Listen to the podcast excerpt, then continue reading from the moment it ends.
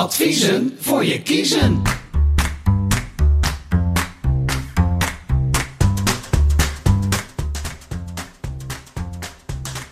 Welkom bij Adviezen voor je kiezen. Een podcast met antwoorden op vragen die je anders nooit gesteld zou hebben. Dit zijn veelal vragen op het gebied van werk, gezondheid en functioneren. Ik ben Karen Hosmus, geregistreerd bedrijfsarts, extern vertrouwenspersoon, consultant en directeur-eigenaar van een bedrijfsgeneeskundig adviesbureau genaamd Hosmus Synergie. Naast mij zit Victor Chevalier. Hij werkt als trainer, coach en mediator voor het Transitie Instituut. Al decennia lang begeleidt hij particuliere werknemers en werkgevers bij problemen en veranderingen. In deze podcast gaan we het hebben over het thema keuringen en assessments. Want fit to the job, een mentaal keuring, is dat nou vergelijkbaar met een assessment? Dat is de vraag. Dat is de vraag. Ja. En uh, het lijkt me wijs om dat gewoon eens toe te spitsen een keer op jouw domein, Victor. Want in een wat eerdere podcast heb ik er al wat over verteld, hè? over aanstellingskeuringen. En dat dat een heel strikt en streng beleid is. wat gevoerd wordt in Nederland uh, in het bedrijfsdeskundige deel. Maar ik ben eigenlijk wel benieuwd hoe dat in het uh, andere segment zit. waar jij uh, meer actief in bent. Want assessments zie ik vaak voorkomen. Ook in Ja. vacatures en sollicitatieprocedures. Hoe zit dat nou eigenlijk? Vertel eens. Ehm, nou, je kunt natuurlijk middels een cv iemand al eh, redelijk screenen in hoeverre die eh, over de, beschikte, eh, de, de geschikte eh, opleiding beschikt. Die wou ik zeggen. Eh, in hoeverre iemand de juiste werkervaring heeft. En dan vaak zet men daar nog een profielschets bij. Hoe geweldig iemand wel niet is. Nou, maar eh, dat, dat, dat zegt nog weinig of iemand wel binnen een team vast past. Of iemand wel binnen eh, de visie, de filosofie van het bedrijf of de instelling past. Of binnen een gemeentelijke instelling of die binnen die gemeente past. Ehm, en daarvoor hebben ze allerlei instrumenten uitgevonden. Ehm, eh, dat heet dan met een eh, duur woord assessments. Waar je mensen eigenlijk een beetje gaat onderzoeken op juist die thema's. Ehm, Hoe ziet een zo'n assessment eruit? Zal ik eens eerlijk zijn? Ja. Ik, ik heb zelf nog nooit een assessment gehad of gedaan. oh, wil je dit keertje meemaken bij ons? Nee. Oh. Maar, Jammer. Jammer. Ja. Leg me eens uit, hoe gaat dat in zijn werk? Ja, het, het, het, het varieert. eh, moet ik ze even met drie dingen uit elkaar halen. Eh, allereerst kan een assessment bestaan uit alleen een gesprek. Eh, ik heb voor diverse bedrijven dat ik eh, gevraagd word van... eh, joh, wil jij eens met eh, Jan Jansen even een uurtje gewoon kijken... eh, of die naar jouw oordeel binnen onze organisatie past.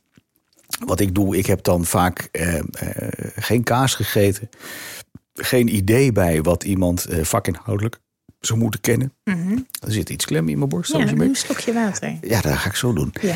Ehm, maar wel dat je mensen merkt die dan. ehm, ja, dat ik wel weet wat voor, wat voor, wat voor sfeer er, er heerst. En dat is dan ook een beetje intuïtief of mensen dan daar erin passen. Dus het eerste stukje is gewoon een gesprek met iemand aangaan. Het tweede vorm van assessment eh, heet bij ons de talentenmotivatieanalyse.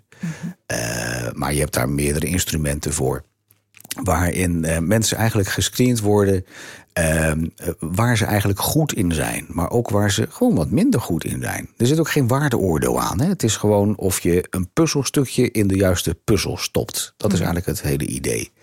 Want soms zeggen mensen wel eens dat ze het zo vreselijk vinden dat ze niet door de assessment heen komen. En ik denk, ja, maar dat is het helemaal niet. Want anders zou je met de verkeerde vaardigheden op een verkeerde plek komen. Ja. En dan kom je weer in een burn-out-achtige eh, periode uit. Dus dan hebben we er alsnog weer werk aan. Ja. Dus het, het is helemaal niet verkeerd. Het is daarin juist wel goed. Ehm, maar je hebt bijvoorbeeld ook eh, ehm, assessments die met echte rollenspellen werken. Eh, waar, nou ja, jij zei bij de vorige podcast zei ook hoe iets over dat je bekend was met eh, trainingen waar ze dan met fictieve patiënten werken, Ja. die fysieke eh, ziektebeelden hebben, die jij mag ik aannemen mag doen. Nou, dat heb je ook voor kassa-medewerkers.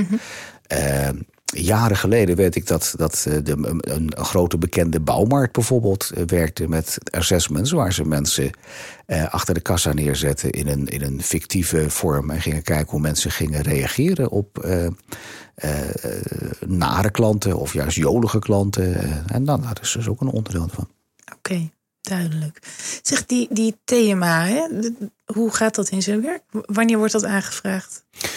Uh, talent- en motivatieanalyse kan twee kanten opwerken. Uh, enerzijds uh, kun je een functie screenen op competenties. Dus wat voor vaardigheden, wat voor, wat voor eigenschappen mensen moeten hebben buiten hun opleidingsniveau en werkervaring. Mm -hmm. dus gewoon wat voor type mens is iemand. Dan kan je die hele functie op screenen, waar je een, een hele lange lijst krijgt met, met, met allemaal thema's waarop dat zou moeten aansluiten. Um, en daarop volgend kun je dus de potentiële uh, kandidaten, of als mensen al langer werken, kun je ook die mensen daar nog een keer op screenen. Uh, kan je kijken van, joh, in hoeverre uh, spoort dit nu? In hoeverre klopt dit? Talent... Spoort hij nu? Dat is een interessante uitdrukking. nou, spoort hij nu in gelijke lijn zijnde ah. met de wens van de werkgever. Oh, oké, oké. Dus het betekent dat je. Ik spoor niet, maar dat, nou, nou, dat, dat had de luisteraar al vernomen. Maar uh, je kan hem dus gaan inzetten als een monitorinstrument. Wauw. Toch? Een mooie kreet, dokter Karin. Ja. ja. Nou, ja. dat is hem. Ja, ja dat is hem. Oké, okay, helder.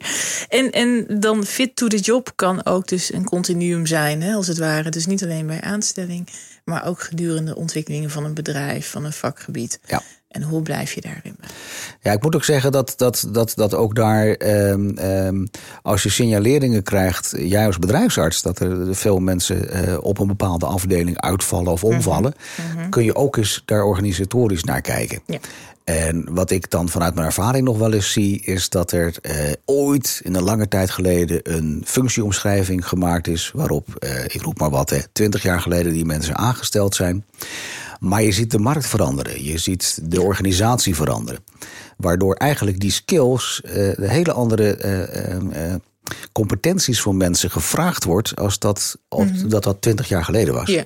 En dan is het echt helemaal geen verkeerd idee om bijvoorbeeld het thema erop los te laten. En eens te kijken van joh, wat voor competenties moeten eigenlijk mensen in zo'n functie hebben. En hebben de mensen die er nu op zitten, hebben die dat eigenlijk ook? Zo nee, Ga dan gewoon gesprekken met mensen aan en zorg ervoor dat die op andere plekken binnen de organisatie beter op hun plek zijn dan dat ze dat nu zijn. Ja, misschien dan wel de mogelijkheid krijgen om misschien nog zaken bij te werken, na te scholen, te ontwikkelen. Precies. Je kunt daar, je kunt daar, daar nou, er zit een nuancering uiteraard in. Ja. Uh, maar soms moet ik zeggen, dan is dat echt niet mogelijk hoor. Uh, ik ben ooit eens een keer bij een gemeente actief geweest, jaren geleden.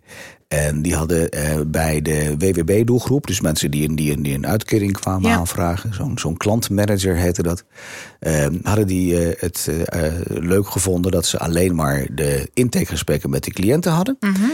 En daarna gingen ze een, een reïntegratiebureau uitzoeken en dat was hun taak. Ah. En dat gingen ze monitoren. Nee, hadden ze op een gegeven moment verzonnen, dat gaan we niet meer doen, we gaan het zelf doen. Dus we gaan zelf mensen terugleiden naar de arbeidsmarkt. We gaan zelf uh, al, al die, die, die, die dingen aanleren. We gaan er ook mensen daarvoor neerzetten. Maar die klantmanager die was daarvoor nooit aangesteld. Die nee. was daar, had daar helemaal de competenties niet voor. Nee. En misschien ook wel helemaal de interesse niet naar. Precies. Ja. Maar ja, tegelijkertijd kun je ook zeggen: ja, ik ga niet zomaar mijn baan opzeggen. Nee, natuurlijk niet. Nee. Maar dat krijg je wel helder. En dan kun je niet zeggen: van nou, we, we doen er een trainingje tegenaan. Nee. En dan gaat alles goed komen. Nee. Ja, dat denk ik niet hoor. Nee, dat, dat lijkt mij ook niet, in alle eerlijkheid. Nee, hè? nee, een, training, ja, dat is. Dat is wel grappig dat je het eigenlijk zegt. Want men denkt dan, nou, dat is de oplossing. Ja.